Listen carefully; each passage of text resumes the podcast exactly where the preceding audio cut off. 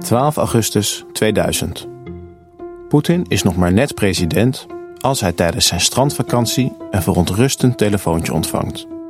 Er heeft een ongeluk plaatsgevonden in de Koersk, een spionageonderzeeboot. Tijdens een militaire oefening is onbedoeld een torpedo ontploft, waardoor het schip is gezonken, inclusief de 118 bemanningsleden. Commandanten van de marine stellen de president gerust. De redding van de bemanning is een kwestie van tijd. Ze slaan alle buitenlandse hulp af en Poetin blijft vakantie vieren. Maar de reddingspogingen van de Russische marine falen. Alle opvarenden komen om het leven.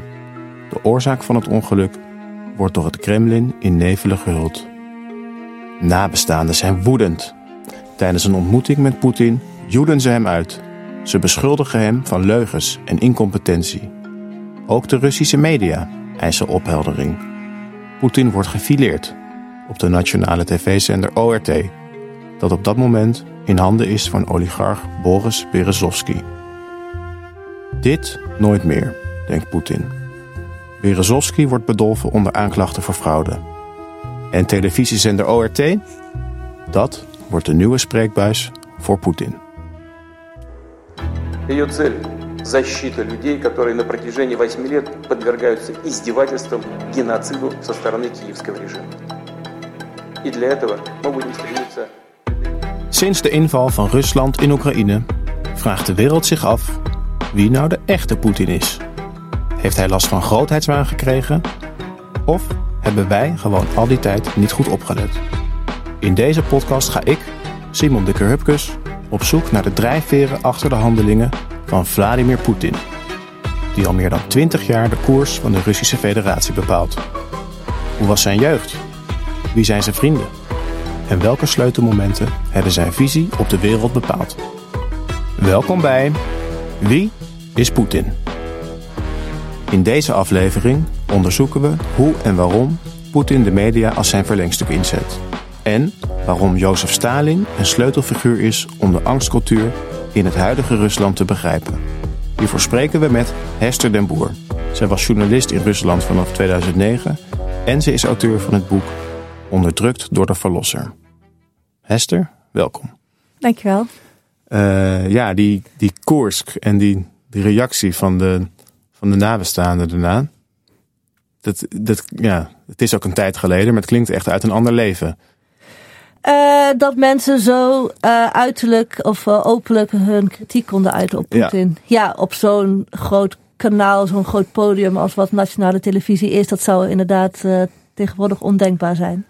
Nee, die ramp met die Koersk, ik denk dat veel mensen zich nog wel kunnen herinneren. Dat was in de eerste plaats natuurlijk een menselijke ramp. Ja. Maar het was ook één grote publicitaire ramp ja. voor Poetin. Kun je ons een klein beetje meenemen in, in wat er daar gebeurde?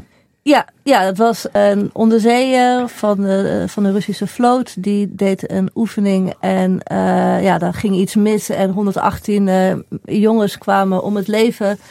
En Poetin die kwam ja, heel laat eigenlijk pas met een reactie. Hij schoot een beetje in zo'n oude Sovjet-reflex van gewoon ontkennen dat er iets gebeurd is.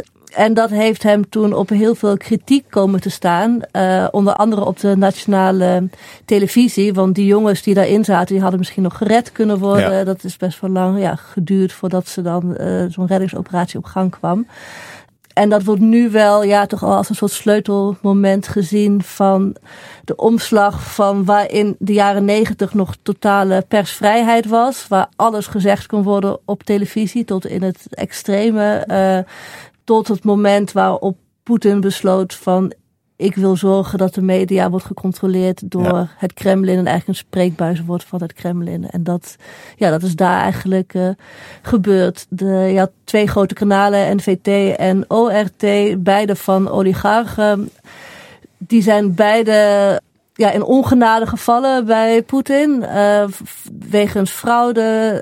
Uh, wel allerlei redenen verzonnen waarom zij niet, uh, niet meer de baas van dat kanaal mochten zijn. En die zijn ja ingelijfd Ja. eigenlijk door het Kremlin.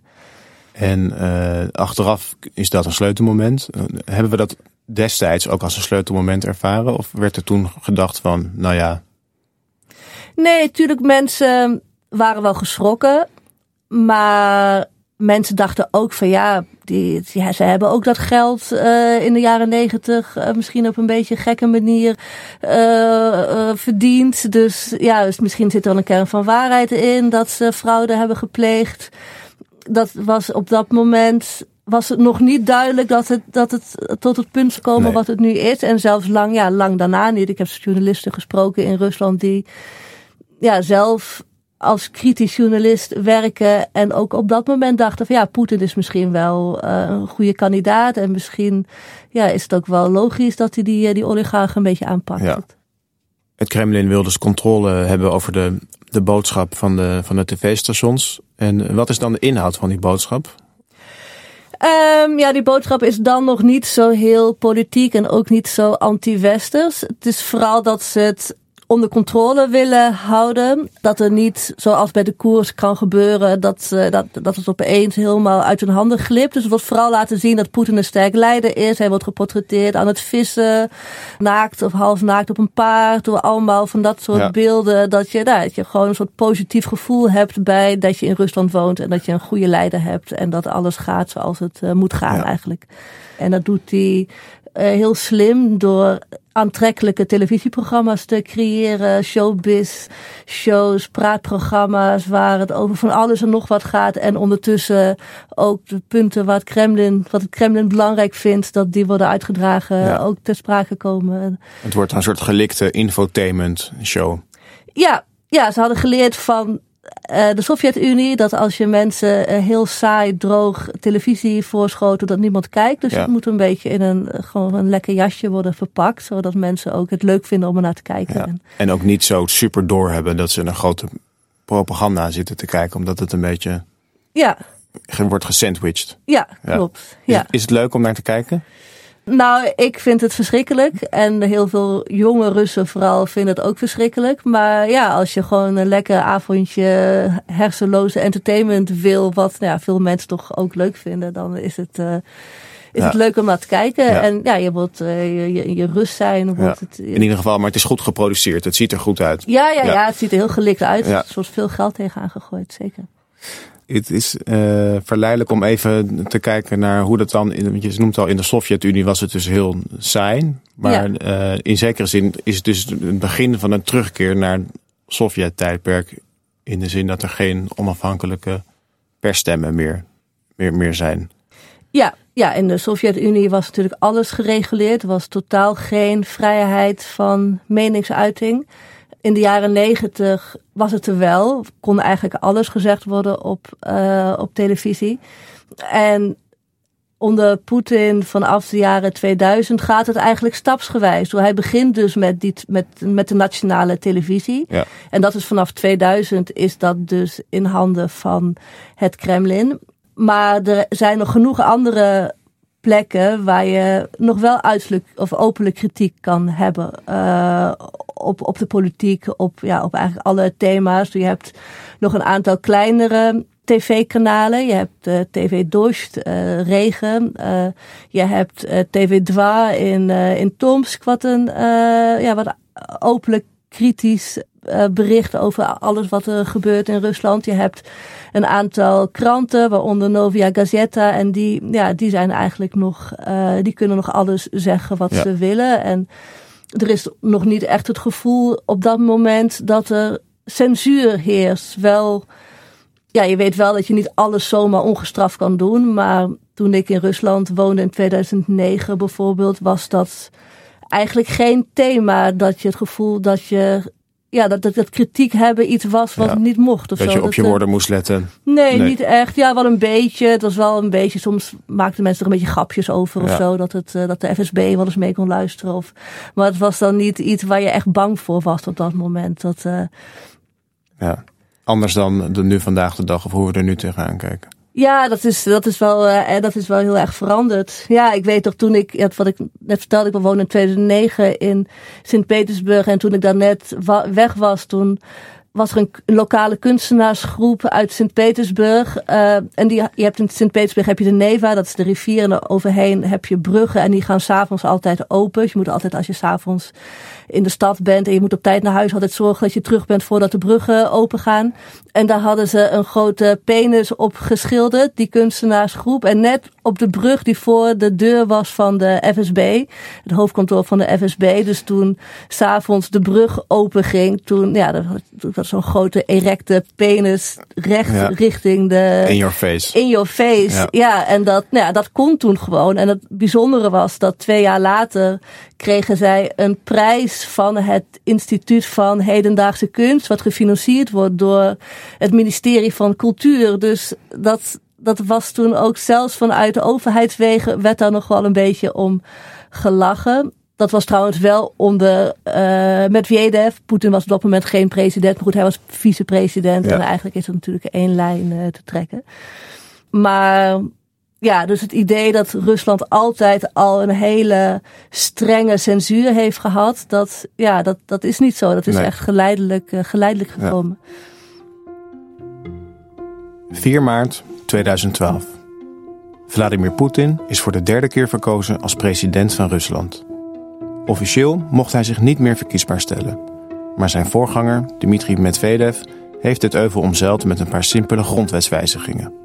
Oh ja, en nu dient de president zes in plaats van vier jaar. Toch smaakt deze overwinning bij Poetin wat bitter. In aanloop naar de verkiezingen zijn honderdduizenden Russen op de been gekomen om te protesteren tegen zijn illegale verkiesbaarheid. Waarnemingscommissies spreken van misbruik van overheidsmiddelen, gebrek aan competitie en fraude. En hoewel de opnieuw verkozen president een traan van ontroering moet laten tijdens zijn toespraak op de verkiezingsavond, komen er een dag later meer dan 20.000 mensen naar Moskou om te protesteren tegen de uitslag. Hester, jij uh, noemde deze verkiezingen van 2012 en de protesten die erop volgen eigenlijk een soort volgend sleutelmoment in de verhouding van uh, Poetin met, met de Russische media. Ja. Waarom? Nou, die protesten die waren voor Poetin natuurlijk heel vervelend. Uh, er waren ja, massaprotesten op het Balotniaplein in Moskou, maar eigenlijk door heel, door heel Rusland. Um, een jaar later had je natuurlijk de protesten op het Maidan. En ja, uiteindelijk de, de afzetting van de pro-Russische regering daar. En in, in Oekraïne. In, uh, in Oekraïne. Ja. Voor Poetin was dat allemaal heel beangstigend. Hij had het gevoel dat hij een beetje, ja, de, dat de, de bevolking zich tegen hem zou kunnen keren. Dus op dat moment draaide hij de duimschroeven eigenlijk een heel stuk verder aan. Onder Medvedev was het allemaal vrij open. Of ja, speelde dat nog niet zo op het moment dat Poetin in 2012 aan de macht komt komen er eigenlijk een reeks aan repressieve wetten worden uitgevaardigd waarin de persvrijheid, de vrijheid van meningsuiting en de, ja, de bewegingsruimte voor Russen steeds uh, kleiner wordt. Ja. Een van de belangrijkste daarvan is, of een van de eerste, die ja, toch wel op dat moment heel veel mensen echt heel erg deed schrikken, was dat de het label buitenlandse agent weer werd, uh, of, of werd ingevoerd. Uh, dat mensen die werden gefinancierd, vooral NGO's, mensenrechtenorganisaties, onafhankelijke media, die geld ontvingen uit het buitenland, als buitenlandse agent werden gelabeld. Ja. Uh, waarom is dat zo'n beschikbarend label? Omdat dat direct refereert aan de retoriek onder Stalin. En Stalin was een dictator die in vanaf eind jaren 20 tot 1953 over Rusland uh, heerste. En onder wiens bewind miljoenen mensen zijn vermoord, zijn omgekomen in gulagkampen, zijn geëxecuteerd. En nog steeds liggen de massagraven in Rusland onontdekt, komen nog steeds mm -hmm. de botten letterlijk boven. En die gebruikte ook diezelfde retoriek van landverraders, van saboteurs. En dat kwam terug met dat label van buitenlands agent. Opeens zaten mensen weer terug in diezelfde mindset van repressie, wat eigenlijk een beetje was weggeëpt in de jaren daarvoor. Ja, maar dat zat dus nog wel diep in het, in het geheugen van de Russen. Ze wisten donders goed wat daarmee werd bedoeld. mensen wisten donders goed wat ermee werd bedoeld. En er kwam gelijk een soort angst terug. En dat is wat je wat je gelijk merkte, bijvoorbeeld in de generatie die uh, Stalin nog had meegemaakt. Ik sprak toen met een man die uh, interviews deed met mensen uh, voor zijn organisatie die dat verleden, dat Stalinistische verleden onderzocht. Die, die mensen interviewde die dat hadden meegemaakt. En hij zei vanaf dat moment wilden mensen eigenlijk niet meer worden geïnterviewd. Ja. Omdat ze bang waren, oh als we over dit soort dingen hebben, als we het over politiek hebben, dan misschien gaat er weer wel iets, zo, iets dergelijks gebeuren. Van wat ik vandaag zeg, kan morgen tegen me gebruikt worden. Dus die angst van dat wat je zegt misschien um, ja, consequenties kan hebben, dat, dat zat weer helemaal weer terug in de Russische hoofden. Dat, in jouw boek Onderdrukt door de Verlosser beschrijf je ook dat Stalin uh, ook weer een beetje salonveeg wordt uh, in Rusland rond die ja, tijd. Klopt. Kan je daar iets over, over vertellen? Ja, dat gaat eigenlijk ge gelijktijdig zag je dat Rusland vanaf 2012 repressiever werd. Uh, gelijktijdig zag je dat Stalin populairder werd. Dat er weer portretten van hem verschenen. Uh, dat uh, standbeelden van hem verschenen. Ja. Het was tien jaar daarvoor was het ondenkbaar geweest. Dat was opeens, kon dat weer. En dat werd ook in uh, nou, de propaganda in de Russische media ook wel zo uitgedragen. Ja. Niet, niet in zoverre dat Stalin werd. Uh, Hij werd niet officieel in ere hersteld, maar er werd gewoon weer wat gebruikelijker om zijn beeldenis te zien of daar ja. positief aan te refereren. Ja, ja, en vooral ja. van, nou, hij heeft niet alleen maar, er zijn misschien wat onschuldige slachtoffers gevallen, maar hij heeft al de Tweede Wereldoorlog gewonnen. Hij heeft zoveel goed gedaan voor ja. het land en hij was een sterk leider. Vooral dat element werd heel erg benadrukt. Van hij heeft met sterke hand Rusland uh, naar de overwinning gebracht. Hij heeft met de, de vijanden verslagen en dat uh, ja, hij heeft orde geschapen eigenlijk in Rusland. Ja. En dat, uh, dat beeld was voor Poetin natuurlijk ook aantrekkelijk. Vooral op het moment dat Rusland te maken had met massaprotesten. Met mensen die ja. hij neerzette als saboteurs. Als mensen die van binnenuit het land willen omverwerpen. Uh, dan is zo'n beeld van een sterk leider uh, is dan heel welkom. Want het geeft gelijk ook een, een legitimatie om die saboteurs dan ja. maar aan te pakken. Ja. Dus, dus wat zegt het dan? Dat, dat we Stalin. Het, is, ja, het ligt er zo dik bovenop. Uh, maar het, het, werkt misschien heel subtiel voor de, voor de Russische bevolking. Van Stalin wordt weer een beetje positiever gewaardeerd.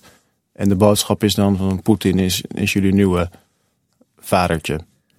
Ja, het gaat denk ik twee kanten op. En dat die beeld, dat, dat beeld van een sterk, of het ideaalbeeld van een sterk leider wordt opnieuw verheerlijkt. Omdat het blijkbaar nodig is. Omdat er bedreigingen zijn. Uh, en ja, demonstranten worden mm -hmm. neergezet als bedreigingen. Dus die, die moeten worden uh, aangepakt.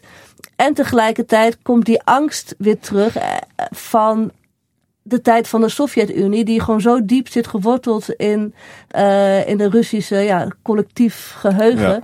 Ik sprak met een journalist en zij werd neergezet als spion in de, uh, het lokale krantje van haar regio waar zij dan werkte in Tomsk. Mm -hmm. En daar stond haar foto met daarboven in koeienletten spion. En haar ja. moeder was in de tachtig, zij had het Stalinisme meegemaakt. En zij kwam gelijk in zo'n angst terecht van uh, ze zei tegen haar dochter: stop met wat je doet, stop ja. met schrijven, hou je mond, wees verstandig, want ik weet wat er kan gebeuren. Er... En dat, ja, die angst zit gewoon nog zo diep ja. dat dat gelijk ook weer ja. werd getriggerd door dat soort retoriek als buitenlandse agenten, verraders, uh, saboteurs. Dat, uh... ja.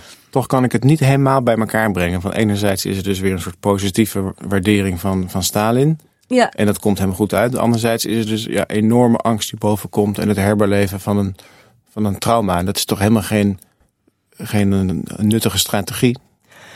Nou, ik denk om dat te snappen is het denk ik ook wel heel belangrijk om te beseffen dat in Rusland het Stalinistische verleden nooit is veroordeeld. Dat is nooit verwerkt. In Duitsland heb je de Nuremberg-processen gehad. Iedereen weet van Hitler was slecht. Ja. Uh, zijn slachtoffers waren onschuldig. Dat is in Rusland is dat proces nooit doorlopen.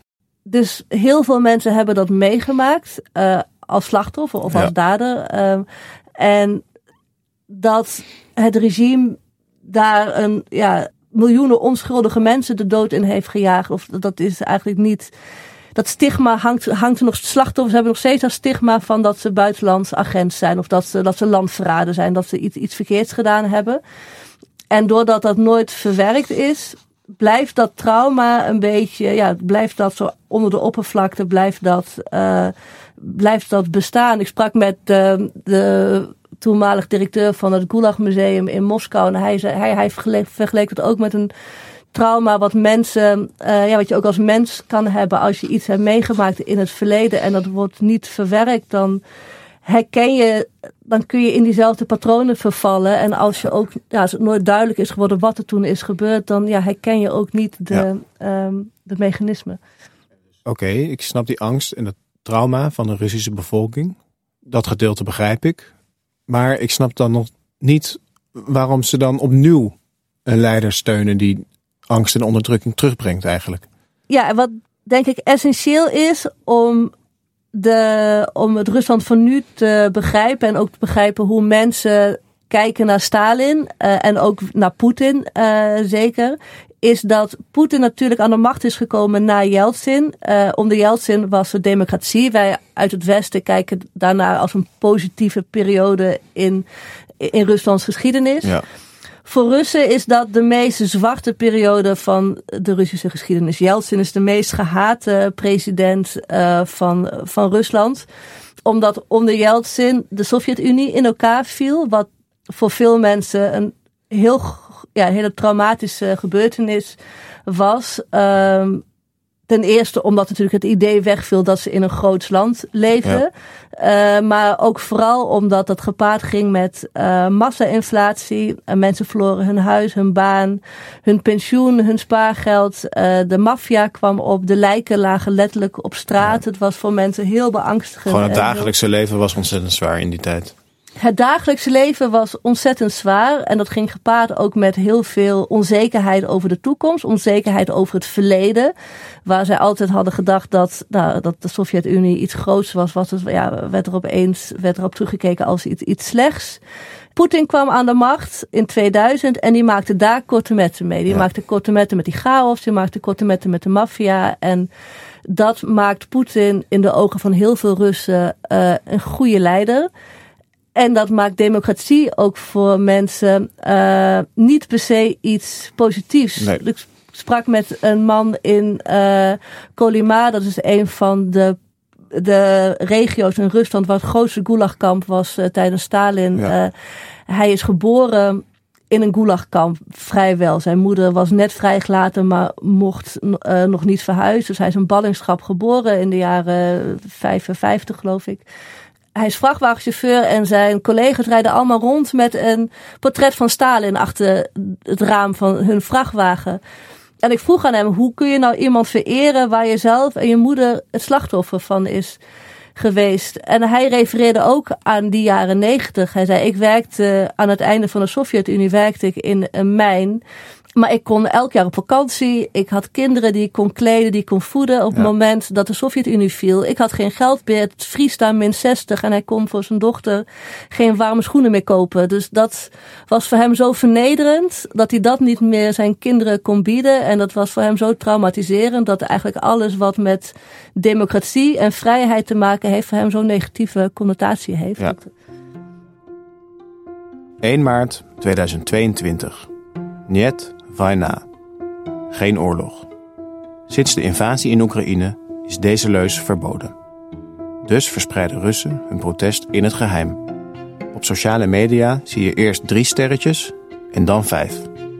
Een verwijzing naar het aantal tekens in het Cyrillische schrift, waarin geen oorlog eerst drie letters heeft en dan vijf. Er is op dat moment nog één onafhankelijk online kanaal in Rusland over: TV Dost. Poetins speciale militaire operatie in Oekraïne wordt daar nog gewoon bij naam genoemd. Een allesvernietigende oorlog. En dat is voor de Russische autoriteiten genoeg reden voor sluiting. Tijdens de laatste nieuwsuitzending van Dost sluit de presentator af met de woorden Niet Vajna. Dan loopt ze weg uit beeld. Vervolgens start een balletvoorstelling in. Het diep symbolische Zwanemeer van Tchaikovsky. Op het podium verschijnen in totaal acht ballerina's.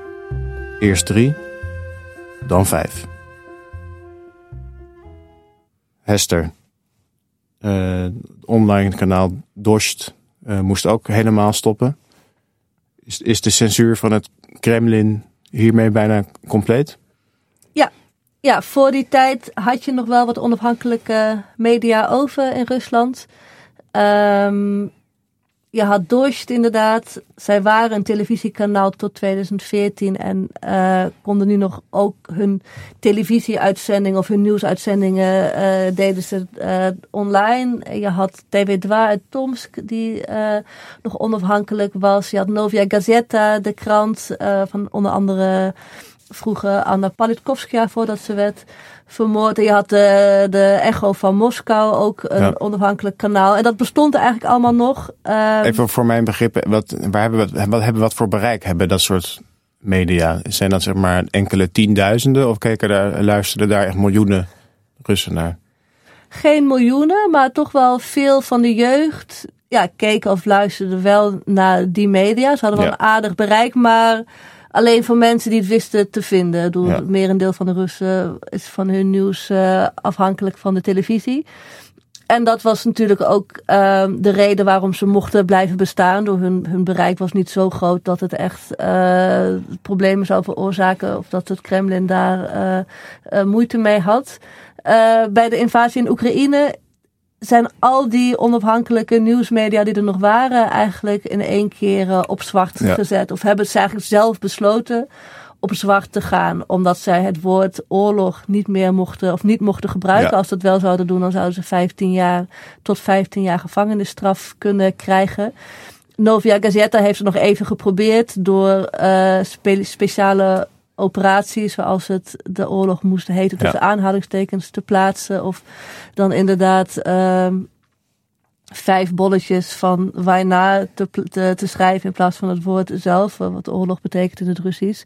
Maar dat bleek onhoudbaar en uiteindelijk zijn ze uh, vertrokken. Het was een hele angstige situatie voor veel journalisten, omdat ze ook niet wisten wat er zou gebeuren. Er zou, ja. de staat van beleg zou misschien worden uitgeroepen. En iedereen dacht ook van we moeten nu het land verlaten. Dus ik sprak ook in die tijd met veel van mijn Russische journalisten, vrienden. Die, ja, die zijn eigenlijk allemaal hals over kop gevlucht. Dus er zijn nu bijna geen journalisten meer over in Rusland. En het, om het gevaar af een domme vraag te stellen. Waarom is, de tijd, waarom is die oorlog zo belangrijk? Waarom voelen al die journalisten aan we moeten weg? Of waarom wil Poetin de controle nog, nog meer aanscherpen? Uh, omdat de, hij wil niet dat het duidelijk wordt voor de gewone Russische bevolking dat Rusland een agressie, of de agressor is. Dat zijn oorlog zijn begonnen in Oekraïne. Zoals hij het vreemd is dat in Oekraïne uh, de fascisten aan de macht zijn. Dat uh, zij een direct gevaar vormen voor Rusland. Dat zij eigenlijk de Russische bevolking moeten redden die daar nog is. En dat zij ter voorkoming van, van dat zij zelf worden aangevallen, de fascisten onschadelijk moeten maken in Oekraïne. Dus zij zijn een verdedigingsmissie eigenlijk ja. begonnen. Uh, en dat is essentieel omdat Rusland Poetin weet dat hij de steun zal verliezen van de bevolking als duidelijk wordt dat Rusland een oorlog begint met vele Russische onnodige doden. Ja. Want uh, om even duidelijk te maken wat denk ik voor wat oorlog voor Rusland betekent. Tijdens de Tweede Wereldoorlog, de Grote Vaderlandse Oorlog, zijn 25 of 26 miljoen Russen omgekomen. Ja waarvan het merendeel burgerdoden. Dus dat zit zo diep dat niet dat opnieuw willen meemaken. Dat, uh, ja, dat ja. oorlog is iets wat Russen niet willen. Nee, dus, dus Poetins gebruik van de grote vaderlandse oorlog om de huidige oorlog te verantwoorden, is eigenlijk heel strategisch. Nou, hij plaatst het wel heel bewust in diezelfde lijn. Doe, het is niet voor niks dat het over fascisten gaat. Ja. Dat is natuurlijk, Stalin heeft de oorlog tegen Nazi-Duitsland gewonnen en Rusland en de wereld gered van de fascisten. En door dat narratief over te nemen, plaatst Poetin deze oorlog natuurlijk in directe lijn met de uh, oorlog die Stalin in die tijd voerde. En het is een verdedigingsoorlog Ja. voor Rusland, de Sovjet-Unie. Voor Stalin was het ook een verdedigingsoorlog. Terwijl dat natuurlijk ook door dat hele Molotov-Ribbentrop-pact, waarin hij een niet-aanvalsverdrag had gesloten met Hitler al veel eerder. Dat, uh, dat mag ook niet genoemd worden in die zin dat, het, dat Rusland ook agressor was. Ja. Rusland is ten alle tijde verdedigen zij zichzelf volgens de, uh, de Russische media. Ja, en dus is het in, ja, van levensbelang om dat frame in stand te houden. Want zodra uh, dat dus niet meer wordt geloofd, dan zullen ze ook niet accepteren dat er bijvoorbeeld slachtoffers vallen. Ja, mensen worden nou opgeroepen om hun land te verdedigen. Hun vrouwen, hun kinderen, mannen moeten vechten voor, voor, ja, om zichzelf te verdedigen. En dat is een sterke emotie waar je aan kan uh, appelleren. Maar als je, je mensen hun kinderen laat opofferen voor puur een agressieoorlog, voor gebiedswinst, dat is natuurlijk een heel ander verhaal. Ja.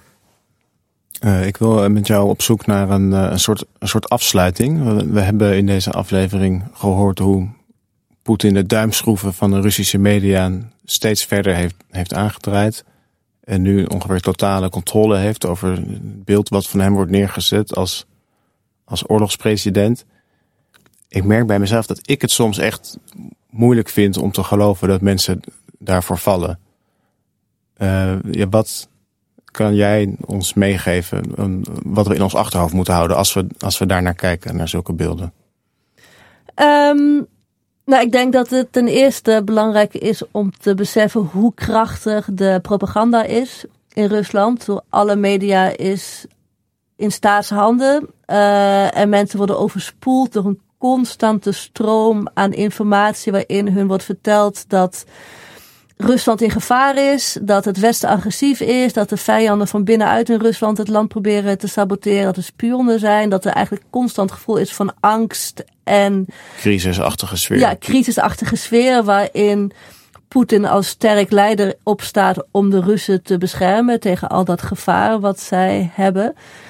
Eh, wat zij, ja, wat aan hun deuren rammelt. Um, en tegelijkertijd is het denk ik om Rusland echt te begrijpen heel belangrijk om ook de geschiedenis, de recente geschiedenis die Rusland heeft meegemaakt, te, uh, mee te nemen. En dan met name de val van de Sovjet-Unie en de jaren negentig, waarin Russen zo vernederd zijn voor hun gevoel. En dat wordt natuurlijk ook heel erg geframed in het huidige Rusland. De vernedering in de, onder, onder democratische Yeltsin. Um, dat is heel belangrijk. En het is denk ik belangrijk om te beseffen dat Rusland gewoon nog steeds met een heel groot trauma kampt vanuit de Stalin-tijd, wat nooit is verwerkt en wat nog steeds, ja, wat nog steeds onderhuids in Rusland bij Russen een hele grote rol speelt, waardoor dat soort propaganda en dat soort retoriek zo'n voedingsbodem ja. heeft bij Russen dat dat. Daarom slaat het bij hen wel aan en bij mij niet. Daarom slaat het bij Russen zeker aan.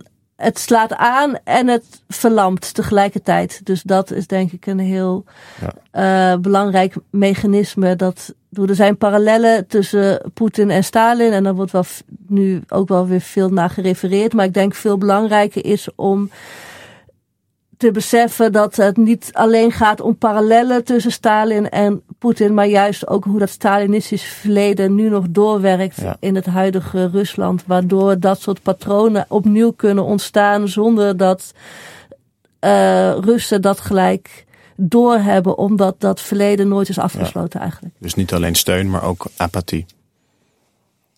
Steun en angst, Ja. ja, en apathie, ja. Hester den Boer, dankjewel. Oké, geen dank. Ik vond het leuk. Je luisterde naar Wie is Poetin? Het boek van Hester den Boer heet Onderdrukt door de Verlosser. Wil je nog meer weten over de Stalin-terreur? Lees dan Alles voor het Moederland van Misha Krielaars, die te gast was in de eerste aflevering van deze podcastserie. Deze boeken kun je bestellen bij boekenwereld.com schuine streep Wie is Poetin? In de volgende aflevering spreek ik met militair historicus Christ Klep over de strategische beslissingen van Poetin en het stof dat hij in de ogen van zijn tegenstanders strooit. En dat is eigenlijk één grote façade, zou je kunnen zeggen. De Russen hebben daar een mooi woord voor, dat is een maskirovka. Uh, het, woord zit er al in, hè, maskeren. En wat we ons goed moeten beseffen is dat dat iets anders is dan propaganda. Propaganda heeft vaak nog wel een kern van waarheid. Maskirovka is het volkomen in het ongewisse laten van je tegenstander en ook van de Russische bevolking door simpelweg verhalen te verzinnen. Wie is Poetin? is een productie van uitgeverij Atlas Contact en VBK Audiolab.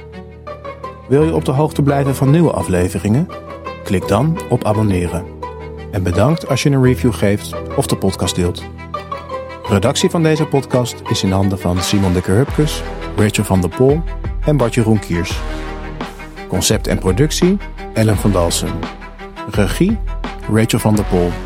Techniek en montage Tinium Audioboekproducties.